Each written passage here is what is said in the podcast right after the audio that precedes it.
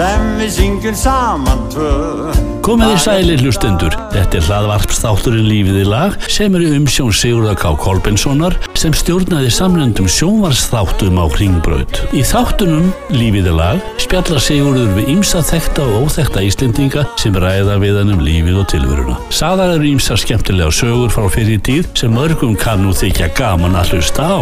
Þátturinn Lífið í lag er sendur út vikulega og styrtur af ferðarskrifstofu eldri borgara og hótelbókunu.is og hér er stjórnandi þáttarins Sigurður K. Kolbensson Gjör þið svo vel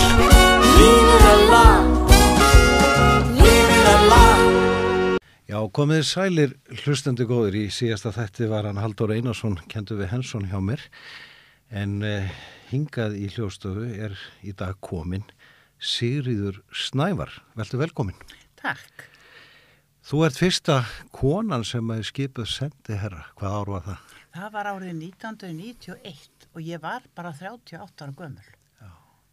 Og hvar var fyrsti pósturinn? Það var Stokkólmur. Hvernig var að fara til Stokkons?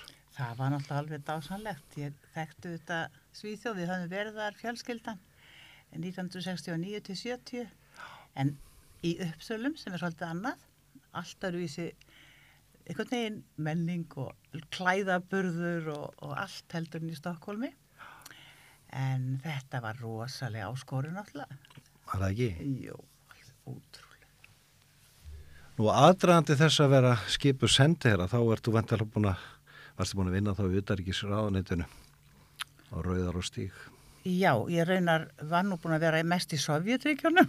Nú, segðu frá alveg, já, ég var sendt bara til Sovjetsins bara eftir sex mánuði Já. Og hérna við vorum þrjú sem að vorum tekin inn um leið. Það er að segja að við vorum úr sama umsækjandahópi og það er ég og eh, Berglind Áskeinsdóttir sem setna var fyrsta konan sem er ráðundustjóri og svo Gunnar Snorri Gunnarsson Já, sem setna var líka ráðundustjóri. Algjörlega frábært fólk.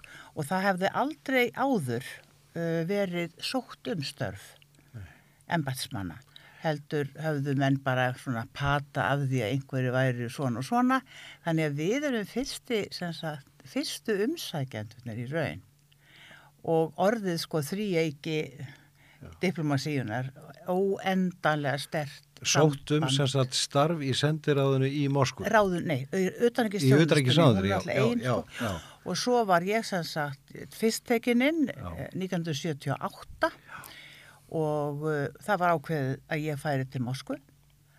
Og Berglind hún var strax uh, í uh, menningar og, hérna, upplýsingadeildinni sem að eh, ég svo veitti forstöðu setna og var algjörlega frábært að vera í.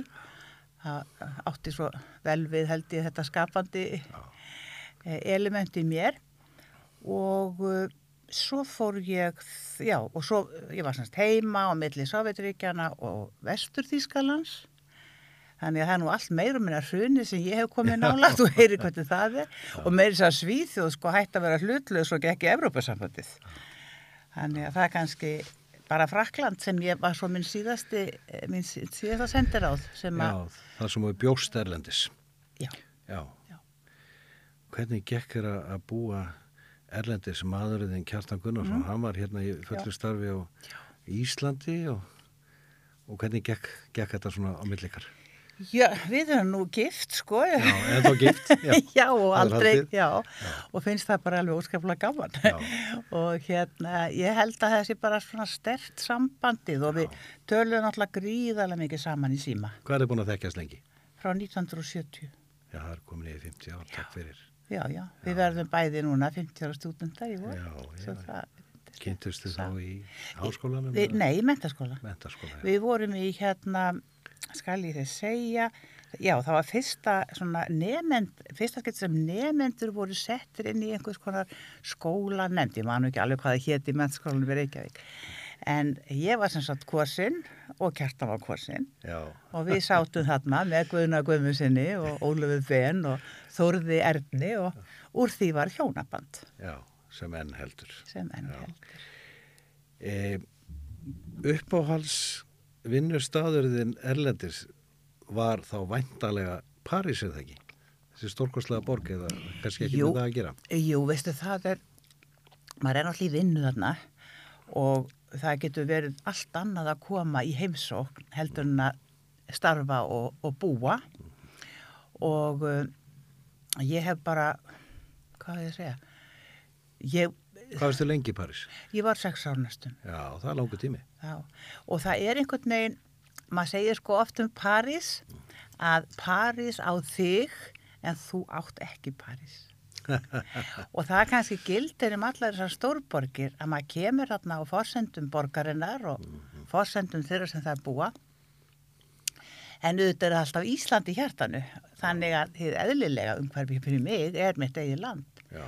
En uh, ég hefði hins vegar og hef alveg óskaplega gaman að því að læra ný tungumál og kynna mér nýjar, nýja menningu og ég tala nú ekki um koma að stað viðburðum Já. Og ef mér tekst að selja og búa til peninga og stækka hagkerfi smá, þá er ég sko allsæl. Já, sumi segja að þú sért eins og stundum með sagt hyperaktív, þú getur aldrei sett í kjör, þú ert alltaf að hugsa um eitthvað, að ko- láta eitthvað gott að þið leiða. Já, sko. Framleiða eitthvað. Já, það er mér óskaplega mikilvægt, einhvern veginn. Og ég veit ekki takkur. Nei.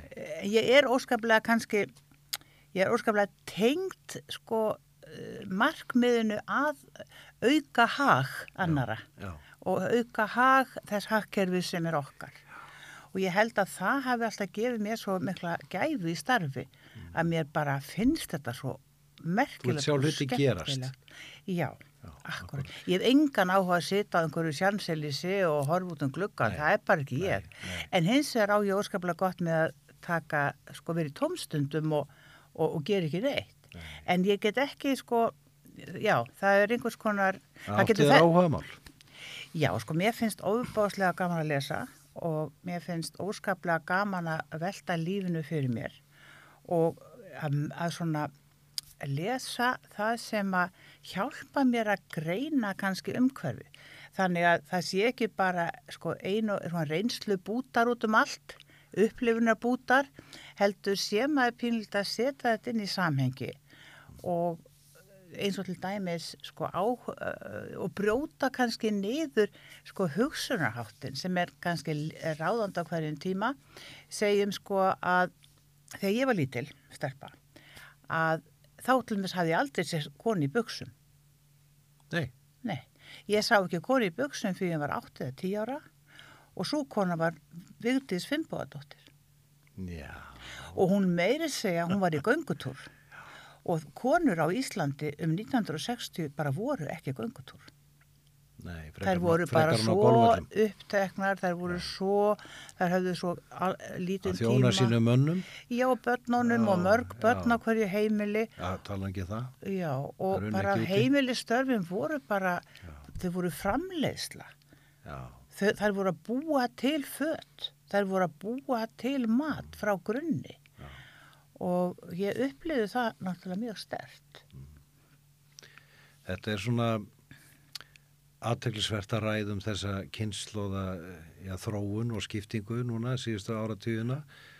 Og ég var börn á fertusaldri og, og, og þrítusaldri og þau vita náttúrulega ekkert um þennan tíma eins og þetta var. Og þegar ég vann sem strákur í kjörbúð föðumins Já, í skipolti þá var ringdi kannski frú því hann var brautirhend í, í Veslun og, og hann tók að sér að senda vörur heim. Átti, átti sendibíl og reyði bílstjóra. Þá ringdi hérna kona og hún sagði góðan daginn eh, ég heiti Guðrún þetta er fyrir Jón Stefánsson. Hún þurfti að koma að nafni eigimannsins á framfæri til þess að ja, það, þá ímyndaði hún sér að hún fengi betri þjónustu en það mér var ekkert að spá í það. Þetta er aldrei langt frá raunveruleikanum í dag það var bara einkynja samfélag. Ég, gott ég, orð. ég meira sagði um dagir við eldri diplomata æstráka mín, þetta var þegar, þið, þegar við vorum einkynja og það bara var þannig og eins leiknin náttúrulega var alveg ótrúleg. Maður var alltaf að gera eins og einhver. Og þegar ég horfi á nútíman og unga fólkið og strákin minn 14 ára að, og sé sko að fjölbreytni er viðmiðun að, ég, eh, þú veist, búin að hlusta á þetta alveg endal, já, veist, eh, já, þú ert bara jafn góð og strákarnir eða eitthvað, ég meina, ég er bara ég og strákarnir er bara strákarnir og þeir eru jafn mikið ég, ég, ég og þessi hræðilega hlutgerfing hópa. En sko, þú ert valkyrja eins og ég hef kynst Já. og þú er baróttu kona Já. og, og tölum um okkar ágæta og virðulega fyrirrandi þjóðhæðingja Vigdísi Fimbódóttir 1980 þá ert þú 28 ára ef ég tel rétt Já, og ég skal, og, og hvernig hvað ég... var fílingurinn sko? Ég skal nú bara alveg segja þið nákvæmlega þá sögu ég með þess að var að skrifa náðan. Hérna, þannig var að ég var náttúrulega staðsett í hennum ágætu Sovjetríkjum. Þannig í júni 1980 Já, Já. ásamt hérna stórvinkonu minni Petrinu Backmann sem að hérna er nú guðmóðir sonar okkar og er bara búin að vera með okkur allæfi, að mér finnst. Heyrðu við, stóðu náttúrulega fyrir utan kjörfunda at, atkvæðagreislu í Sovjetríkjónum, Östur Þýskalandi, e, Rúmeníu, Búlgaríu, við getum haldið áfram og fengum þá atkvæðiseðla náttúrulega, senda í sendiráðu. En við vorum bara tvær á kjörsta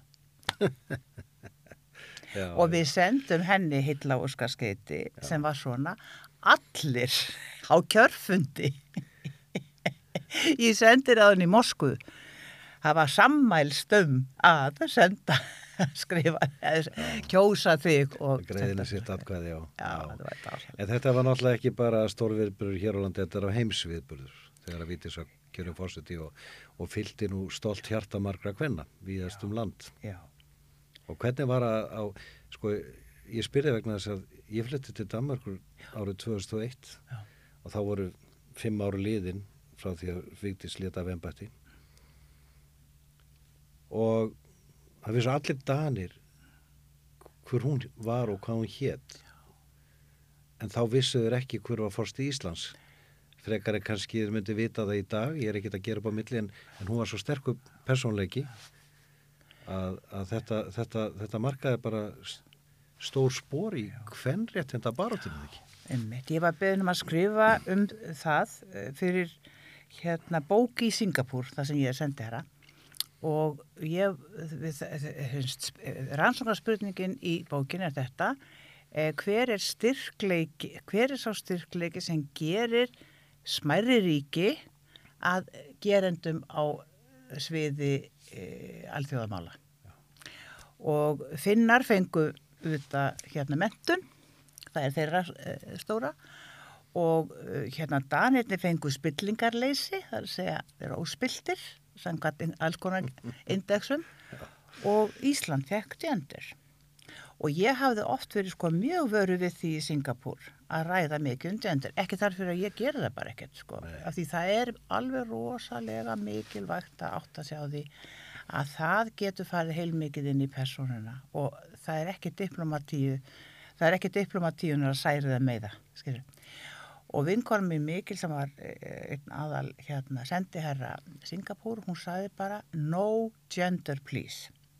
ekki að ræða um það Nei, nei, bara, og, og ég bara saði henni, veistu, ég tala bara aldrei um það, neini sagði hún, bara alltaf, ég veitu vonar að vara.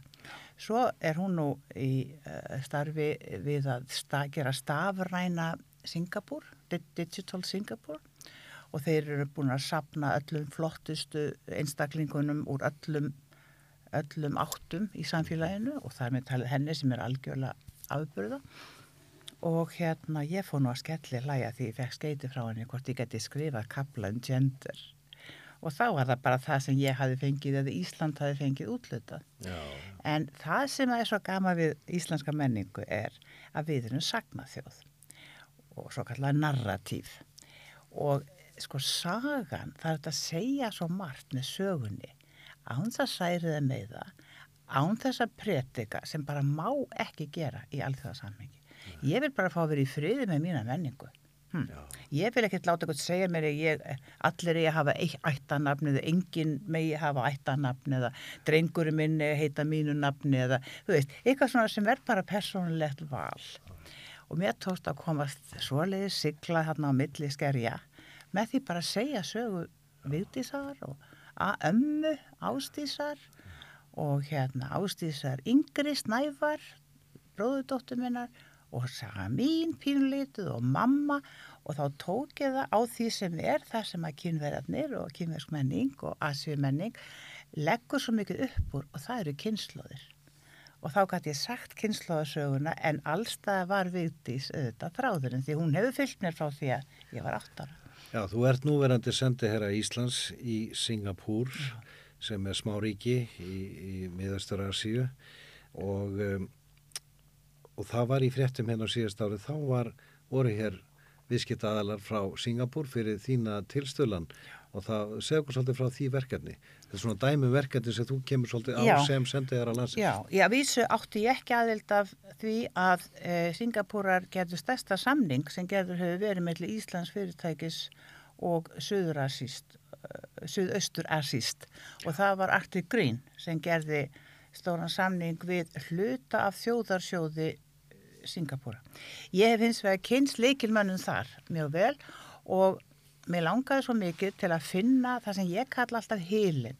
Það sem er svo gaman í diplomasi er það að maður er, þetta er svolítið, já, ég er nú ekkert góð í að veiða, hvorki lagsnið þosknið neitt, en, en ég get samt hugsað mér það að maður finnur hilin og svo kasta maður. Og að það getur tekið langan tíma að reikna út hilin en maður er góður í því og ég var búin að vera í vikun saman með svona plast, ég er með svona bla, hvað heitir, hérna, ég set svona pla, stór plast, það má ekki segja plast náttúrulega, það ger ég alveg komin út af sakarmentinu, en gott og vel, ég set svona eh, plast, eh, fleka hálgeða upp á vegg og svo skrifa ég hugmyndir á það Já. Og ég ger þetta mjög oft það sem annað fólk kemur svo inn og það er svo gaman að því að fólk, annað fólk segir, já, heyrðu, nei, bættu hérna aðeins við um að hérna efla íslenska kvikmyndagerð eða koma henni betur á framfæri í Suðaustur Asíu. Það er skemmtilega við þetta að vinna svona, maður lítur nú að svolítið út eins og villisingur, sko, að hafa veggina svona skrýtnaði kringu sig, en það verður svo mikil þáttaka annara og það er það sem ég finnst skemmtilegast í lífinu. Það er þetta teimi sem maður býr til úr engu, sko, algjörlega. Og hérna og við vorum búin að reyna allt mögulegt, við vorum alveg lúksus, túrismin, na, við vorum búin að reyna alls konar hilbriðstækni út af COVID. Og svo allt innu indislega maður sem heitir Ingi Björn Sigursson hann er í einhverjum heimsamtöku sem heita The Future of Food og hann byrja að segja mér þetta og ég bara bingo, Future of Food og með svona verkefni, það er svo mikið grunnatriði þegar maður er búin að merka heilin að gefa hann nafn Já. um leiður búin að gefa hann nafn. Nú langar mér svolítið að gera eitthvað svipa fyrir, við Ástralju, ég er nú augljóslega að brenna á tíma, en ég hef aldrei lert að hérna, draga neitt úr bjassinni. Það verður þá bara einhverju góði menn sem að taka það, en ég ætla að fá að segja þeim frá mínum hugmyndum. Og helst myndi ég alltaf vilja geta komið því á koppin, að því að Ástralju er alltaf bara, þú veist, þetta er svo flott land. Já, svo. En Singapúr við höfum, og ég vona við komumst í ferðalag til er gaman. Og ég er að hugsa líka sko, um kannski eldra fólk, Já. ef við tölum um það. Um, ég er nú sjóndöpur, sko, þannig að það er gott fyrir mig alltaf að vera í hóp og ég hef nú ferðast með þinni ferðaskristofi og um eitt notið að þess alveg sérstaklega út af sjóndöpurni. En hérna, og ekkert út af henni, heldur er ég svo örug og svo er allt svo vel gert og það er svo mikil ánægi Takk fyrir það.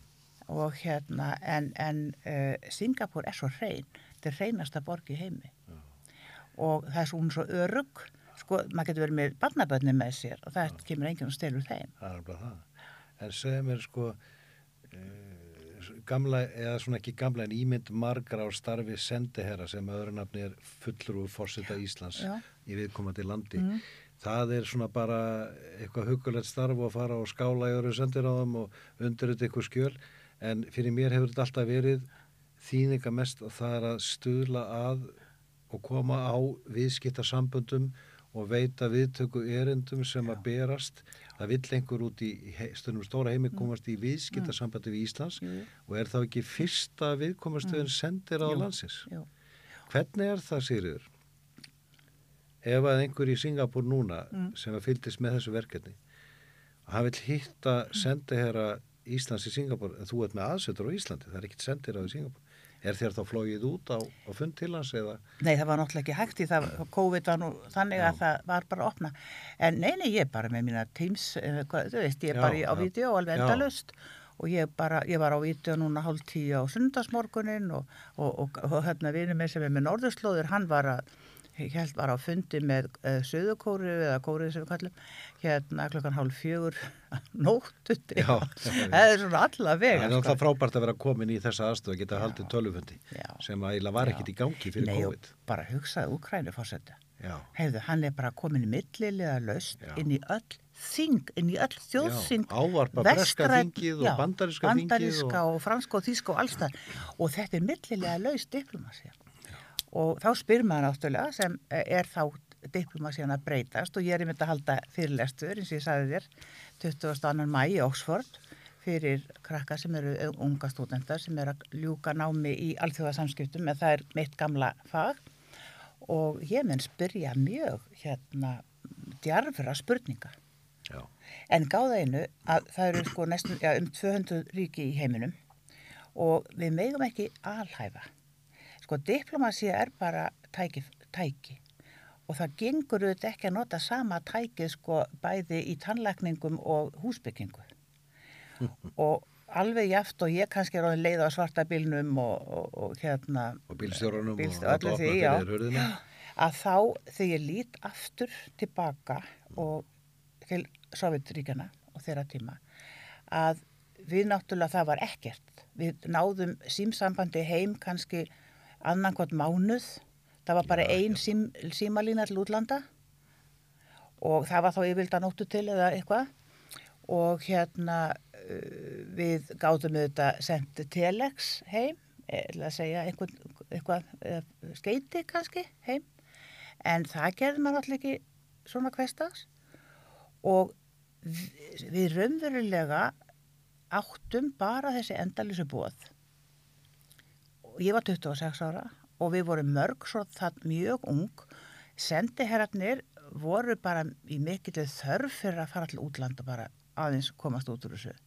Þannig að við, unga fólkið vorum í fórustu fyrir sendiráð þó við værum bara svona ung. Og ég er 27 ára þegar ég flytt fyrst inn í sendirabústa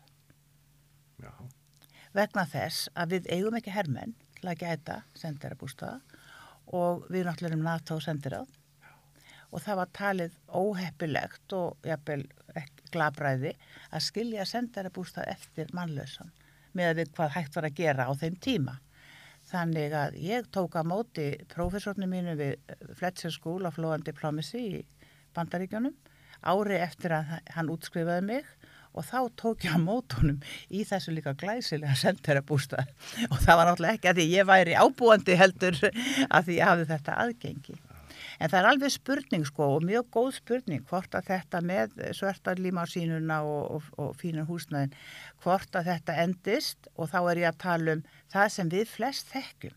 Við þekkjum flest sendiráð sem eru innan Evrópu eða innan hinnar líkt, líkt þengjandi ríkja en ég get alveg sagt þér það að þegar þú ert komin mjög langt í burtu frá þessum smáparti heimsins að þá verðuru að vera í örygginu á sendarabústað því að glemt ekki það er öryggis. Númer eitt eru þessi bústaður og þessi bílar alltaf að tryggja öryggi útsendra starfsmanna ríkisins. Lífið er lag Eldri borgarar, lífið er ekki bara lag, það er einnig ferðalag. Kynnið ykkur sérhefðar ferðir okkar á heimasíðunni ferðaskrifstofa eldriborgara.is Símin er 783 9300 Símin er 783 9300 Lífið er lag Já, komið sæl hlustundur aftur við, ég er að ræða hér við Sigriði Snævar sendiherra.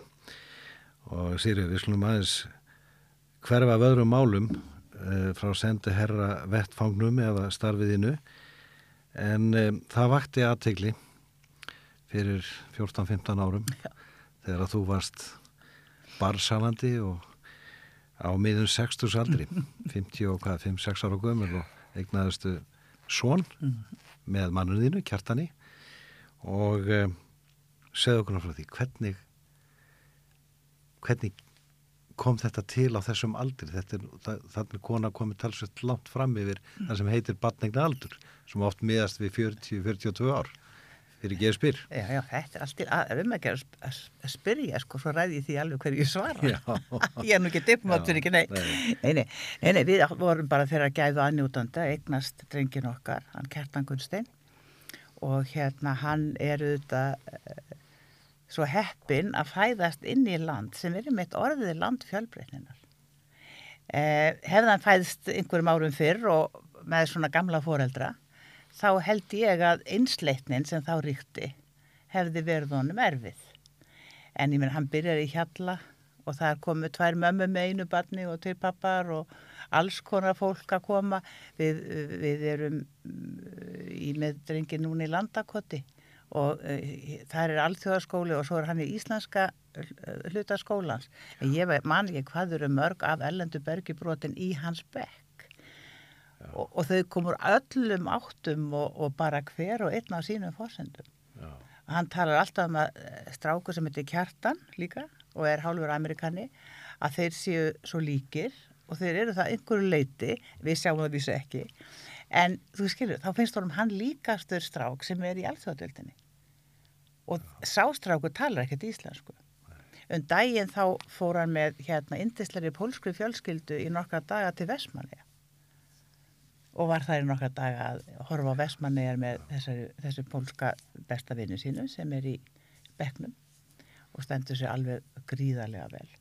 Þannig að hann er að koma inn í sko, fjölmenningar samfélag sem að ég held að við fæst sem farin átt okkur á. Og sko einfallega að því við erum eldri og það er ekkert mjög margir utan að komandi í mínum árgangi. Nei. En svo ferðu bara niður í grunnskólana og þar sérðu þetta. Og þetta er mjög heillandi, finnst mér.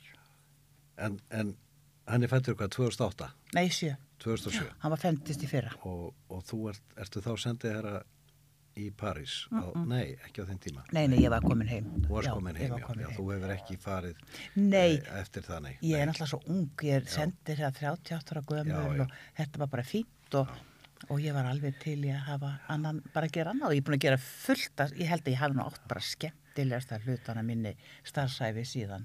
Já, en að verða móðir, 50 og hvað, 5-6 ára gömul, Mm. var það langþráð. Já, ég meina, ég er bara svona ekta mamma.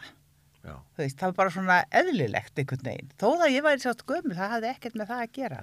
Ég er voða lítið í smáatriðum já, og ég mér er nákvæmlega sama hvort ég er eldri en einhver annar eða yngri, bara, þú ekki um það. Nei, það bara kemur ekki inn í hausina mér. Nei. Bara ef menn ráðast ekki á mig, þá er ég fín. Já, ekki. ertu með ákveðna skilgreiningu á tilgangi lífsins? Já, mjög svo.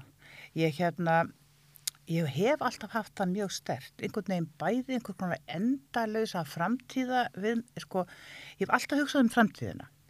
Uh, og alltaf hugsað með mér hvernig, til dæmis, já, hvernig verð ég, hvernig verð ég sjötu? Uh, áður þá segja, hvernig verð ég á fimmtusamælinu? Eða hvernig verða aðstæður þá? Og kannski þessi, svona, þessi pælinga þörf, hún er voða mikið út frá því að reyna að rekna út hvernig get ég, ég hámarka líka minnhag til lengri tíma og, og hérna og ég til dæmis eh, er, er voða duglega að hreyfa mig af því að ég er búin að sjá það að það er besta aðferðin við öldrun og öldrun er eiginlega mesta áskorun lífsins. ertu út að ganga, hlaupa eða fyrir leikvimi? Eða? Já, allt saman. Já, og alveg sama á hvernig, á, hvernig stendur á ég bara einhvern veginn í fjandans í fjandanu kem, kemst út er það reyfað á hverjum degi? er ég að, Reyfað þig á hverjum já, degi? hverjum einstætti Þú lítur rosalega vel út og Já, til aðmyggi með það og, og nú verður við 70 í já, júni og þá ætlar að vera hver stöð hvar. já, það fer nú svolítið eftir aðtökum ég veit ekki hvort þetta gengur upp með Ástralíu. Ég, mér langar mikið til þess bara uh, ekki að því að það sé endilega síðasti mánuðurinn minn. Ég, ég bara peði í þessu, á þessu stóra talborði en ég hef búin að reikna út að það getur verið heppilegt að koma með sendinemnd til Ástralíu í lók júni eh, vegna þess að þeir munu fá nýja ríkistjórn 21. mæ og eh, við erum náttúrulega með svo mikið af kólefnis hérna hreinsandi e, tæ, tækni fyrirtækjum og þeir eru með svo mikla þörf að ganga í að hreinsa e, í kringu sig.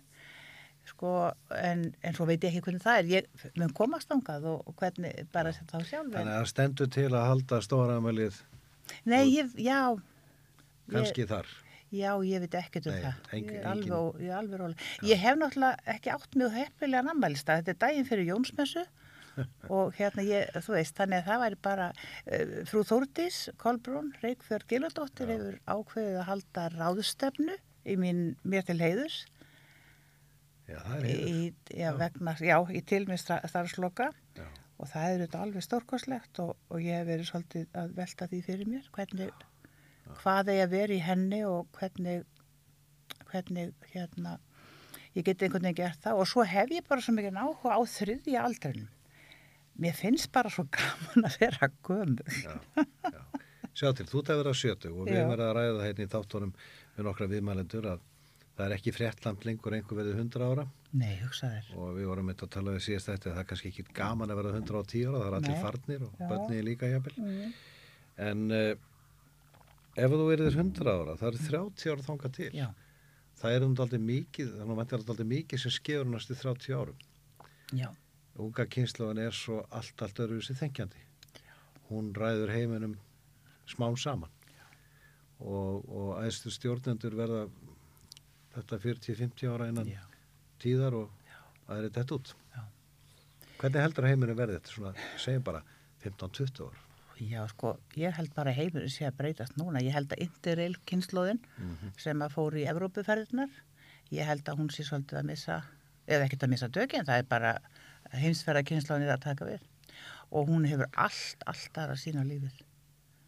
Og það munur ekkert mörgum árum á þessum tveimur kynnslóðum, en það munur alveg ótrúlega miklu í afstöðu ja, til jafnrétti, til kvenna, til til þess ekki bara að konur sé einhvern störfum, ég gef ekki fimmkall fyrir það, heldur að það hafi völd og áhrif. Það er það eina sem ég finnst áhugavert. Ekki að telja einhverja hausa, svona marga kettlingar í þessu ráðuneytu og þessum olíufyrirtæki, ég finnst það bara ekki áhugavert. Heldur, hvar er þessi hvenna orka? Er hún að, er hún að koma, hún, hefur hún fundið sér farfið? Svo er eitt sérir frá því að þú varst batn og ég var batn aðeins yngri en þú að þá var ákveðin tími sem nýttist í þessum 24 tíma sólaring Mm. sem er búið að fylla allt upp með öðru í dag og það er internet nótkun. Já, allar sjónvarsásetnar all, allur netaðgangur, þú velur bara viltu horfa á, á nýjustu tískuna eða viltu horfa á nýjustu bílana eða nýjustu veiði græðunar já. hvað sem þú vilt. Eh, ég er að hugsa um allan þennan tíma og ég var barnabönn og ég sé hvernig tölvurnar eða þau sógast að Já. skjánum fóröldunum Já. þurfa að setja einhverja reglur og hamla já, til þess að bara að, að unga fólki bara skemmist ekki. Já. það er þessi miklu tími sem að sem við eittum ekki svona mál. Nei, og þetta rof, það verður rof melli kynnslóða vegna þess að auðvitað alltaf, við sjáum það bara á íslenskunni, sem við eigum kannski, ég er á og heitur á hrifin á Röggvaldi, prófessor, hann er alveg búin að gera mér lífið svo gott með því að segja við bara tölum okkar íslensku og bara það hefur hver kynnslóð sinn orðaforða og við eigum bara slaka á með þetta. Það er engin ein íslenska rétt, neitt að það er bara rétt að vera kallkynns og þetta eða, kven, eða kvenkinn sem er það er ekkert betra. Ég hef alveg áhugjur af strákonum. hvernig þá? Jú, ég hef bara áhugjur, mér finnst þarna alls það sem við komum, að, að, sko, nú er ég ekki að segja að konur hafa völd í dag, því miður er það ekki svo. En ef við sjáum grunnskólahópana, við sjáum það sem kemur fram í, í hérna, þegar, þegar, með skemmti þáttum í sjónvarpi, þar sem að skólanir eru að æfi eitthvað efni og heitir öllum mögulegum nö- nöfnum, að það er bara stelpur, stelpur, stelpur, stelpur. Við sjáum kór, stelpur, stelpur, stelpur, stelpur. Eh, Alls konar. Eh, Við sjáum hérna bókmentir og það eru konur og það er, þe- og það er tónlistin og það, horfðu á þetta. Við vorum um daginn ægilega flott ráðstefna sem heitir Hvert stefnir Ísland? Og það var á vegum alþjóðastofnunar og við vorum þrjú, jafnöldru, jafn, jafngömmun okkur dvegin, Bói Ágússon, Jakob Fríman og ég. Og þarna ráðstefna heitir Hvert stefnir Ísland? Og það var skrifað stórum stóðum. Við stóðum þrjú fyrir framann þetta, þetta stóra skildi vegna þess að 1964 eða 5 sko, fyrir 55 árin síðan þá voru við Jakob Fríman frumælendur í, á málfundunum Hvert stefnir Ísland og Bogi Ágúrsson var fundastjóri. Þetta var svo ótrúlega. Og nú er sko Jakob Fríma hann á stelpu, Jarúnu, sem er búin að vera í bekk með kjæra, með kjærtanu Gunstinni lengi. Og við vorum hann að Já. bæði með e, sikkot vagnina, lappum Já. eftir bæna sínum tíma. Ég meina þetta er svo gaman og sérðan boga. Ég meina hann stendur í ströngu. Ætlar að horfa, horfa á Jakob Fríma, ætlar að segja hann sé eitthvað komin einhvern helgan stein. Nei, Sko, en ég er eina manneskjan sem þarf að hætta sjötu. E, Bóið þarf þess ekki vegna að ríkistúttarpið er að hluta til Það getur orðið verktaki á það, það er í er almanna eitthvað, Já. almanna uh, Já. félag, en stjórnaráðið er náttúrulega, hlutafélag heitir það. já, al, almanna hlutafélag, nákvæmlega, það er að gera þetta vutverksáð, Já, já, þarna er ekki góða hugmynd, nei, nei, en, en, þann, en svo er náttúrulega í ríkistjórnar sáttmálanum er náttúrulega talað um sko sveiganlega starfslokk og ég má, ef ég má aðeins bæta við að því er nú alltaf að stúdur Ástralju, hvernig svo sem ég get nýtt það, er, ég bara get ekki hugsað mér neitt skemmtilega en eða frábæra sem endaloka mínu starfsferðli en það að nýta þessi tvö lönd saman. Já. Heyrðu, þeir eru með meiri starfs, starfsmannarskort, þeir koma af að vel út á COVID af því þeir eru hráefna útflytjendur og þó Já, svo þeir að líka að lokuðu landinu. Já, já, og kynverjar, þó að kynverjar hafi eitthvað verið með stæla þá eru þeir bara með svo öflugan útflutning. Því miður, kól og allskins leiðindi sem við viljum ekki vita af en, en þeir eru bara með allar tegundir orku og jafnvel sko þó að jarðefna eldsneiti verði ekki lengur í gangi að þá eiga þeir vind orku, sólar orku, jarðhita, vassföll nefndu það. Og, en þeir eru komnir í vandan sem við þekkjum og það er skortur á vinnuafli. Og það merkilega hjá þeim er að þeir eru með jafnmikinn skort á faglærðum sem ófaglærðum og þeir eru með ákveðin kvóta á hverju ári þar sem þeir velja inn starfsmenn til að koma inn á vinnumarkað. Þeir, það, það hellast ekkert einhverju menn inn á einhverja full flugvelli, þeir eru bara valdir heyrðu, og þeir eru að hækka þakkið og ekki aðeins það, þeir eru að kalla fólk út sem annarkvæmt er að hefja eftirlaunaldur eða komið á eftirlaun Já, það er er reynslan. Nei, nei, það er bara skortur á mannafli. Já, já en, en það er Og- samt sko líka þetta sem þau rætt inn í þáttan á mér að það er synd þegar að ofinbyrði starfsmenn Mm. með 30-40 ára reynslu þurfa að hætta engöngu vegna aldurs. Mm. Maður svo sem skilur þetta í fluginu. Það er ekki ofinbyrði starfsmenn en, Já, já, en það er já, öryggismál mikið sko. En, en við slum segja bara mjög flinkur læknir. Ég það gerist líka sem þurfti að hætta fyrir einu ári þegar hann var 70. Nei, það þurftur ekki að hætta, þeir eru 75 ára og ennþá að Já, praktísa. nei, hann má vinna á sinni eigin Já. en hann má ekki starfa á landsbytarnan Já. lengur. Er það. Er það nú ekki bara allt í lagi? Langar Já, mann kannski? Já, ég er bara að segja að þarna fer- mikið reynsla en, Já, já. gott nei. vel, þú ert að tala um þetta um ástælu en, en svona í lokin að tala um allt, allt annað. Þú ert núna þegar við erum að taka þetta upp hérna á fallugur sólskinskvöldi. Á leiðinin er á Hotel Borg. Já, Finnst þér ekki aðeinslegt að borgin sé, henni sé haldið lífandi því miður er grillið búið, það verður aldrei aftur. Já. En Hotel Borg, já. hvernig komst þið fyrst á borgin? Guð, ég var svona 17, 18 ára. Já, Og nú er Hákon Már Örvarsson, kokkur, hann er nefnilega kokkurinn í. Og þegar við kertan vorum í, eða ég var í París og kertan var oft með mér, að þá var hann að keppa í hérna, í, í matræslu keppni. já, já. maturslu keppi niður niður í hérna Ljón. Bókvísdór Já. heitir hún. Og við kertan vorum hérna að hjálpa honum að smakka.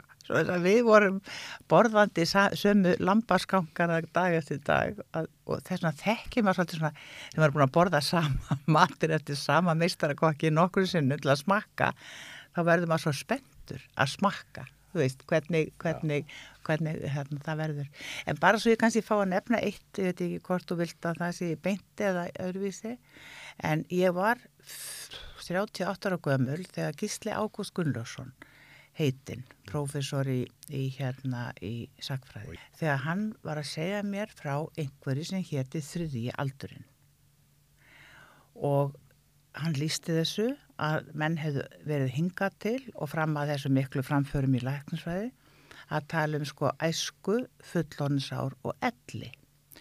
og all fullorðansárin kviðu með svo fyrir ellinni sem þeir upplifðu að hlita hefjast á 70 ammælinu eða 67 ári eða hvað. En elli er sá tími æfiðinnar þegar öðrum háður vegna þess að þú ert ekki fær um að lifa, gera innfaldar, eins og lifa hennu. Já, Já. það er elli. Tímabilið frá því að þú svona dregur þér í hlið á vinnumarkaði skulum við segja og þanga til að þú þarft á annar að hjálpa að halda við daglega störf. Það heitir þriðji aldurinn. Fyrst er æskan, annar er fullánsárin, þriðji er þessi aldur og svo kemur ellin. Svo um dag, eða svo gerðist það fyrir nokkrum árum að ég var að skrifa bók sem heitir Nýttu kraftin. Þá hafði ég farið út úr auðvitaðsjónastunum nokkur ár og stopnaði enga fyrirtæki sem ég með Marji Björg Óskarsdóttur. Og við tókum 1100 atvinnuleitundur að okkur og, og í þessari bók þá bætti ég við svo litlu um það að hætta starfi sem er mjög gaman fyrir mig núna að lesa mín eigin texta og sagði frá þessu þriðja aldrinum.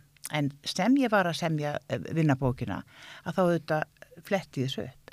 Heyri þá kemur það í ljós að þetta var prófessor við Cambridge Háskóla sem var nýbúinn að, að kynna þetta hugtak. En bara Gísli Ágúst var náttúrulega á fyrsta farið mig sko að fylgjast með eh, nýjustu ströymum og stefnum varðandi eh, samfélagi sko. Þannig að ég er svona stálheppin að vera ekki orðin ferdu þegar ég átta mig á því að þetta sé ég vændum. Eftir 40 ár eigi ég gullin, gullna öld eftir í raun ef að, ef að hérna, heilsan heldur. Og ég held að þetta hafi, hérna Sigurður, ég held að hafi haft áhrif á mig hvern einasta dag síðan. Látum þetta vera loka orðin. Þú talar mjög bjarsint og það er gaman að hitta fólki eins og því sem er alltaf jákvæð, brosandi, glæsileg kona og horfi björtum öfum framtíð, til framtíðin að verðandi sjötug innan örfára vikna. Sýriður Snævar sendi þeirra. Takk kjærlega fyrir komana hérna í hljóstofu í dag. Og ég þakka kærlega fyrir mig. Góður hlustundur, þetta er hlaðvarpstátturinn Lífið er lag. Ég heiti Sigurður K. Kolbensson og ég ræði vikulega við þekta og óþekta Íslendinga og nýr viðmælandi verður hér í nýjum þætti að liðinni. Takk fyrir í dag.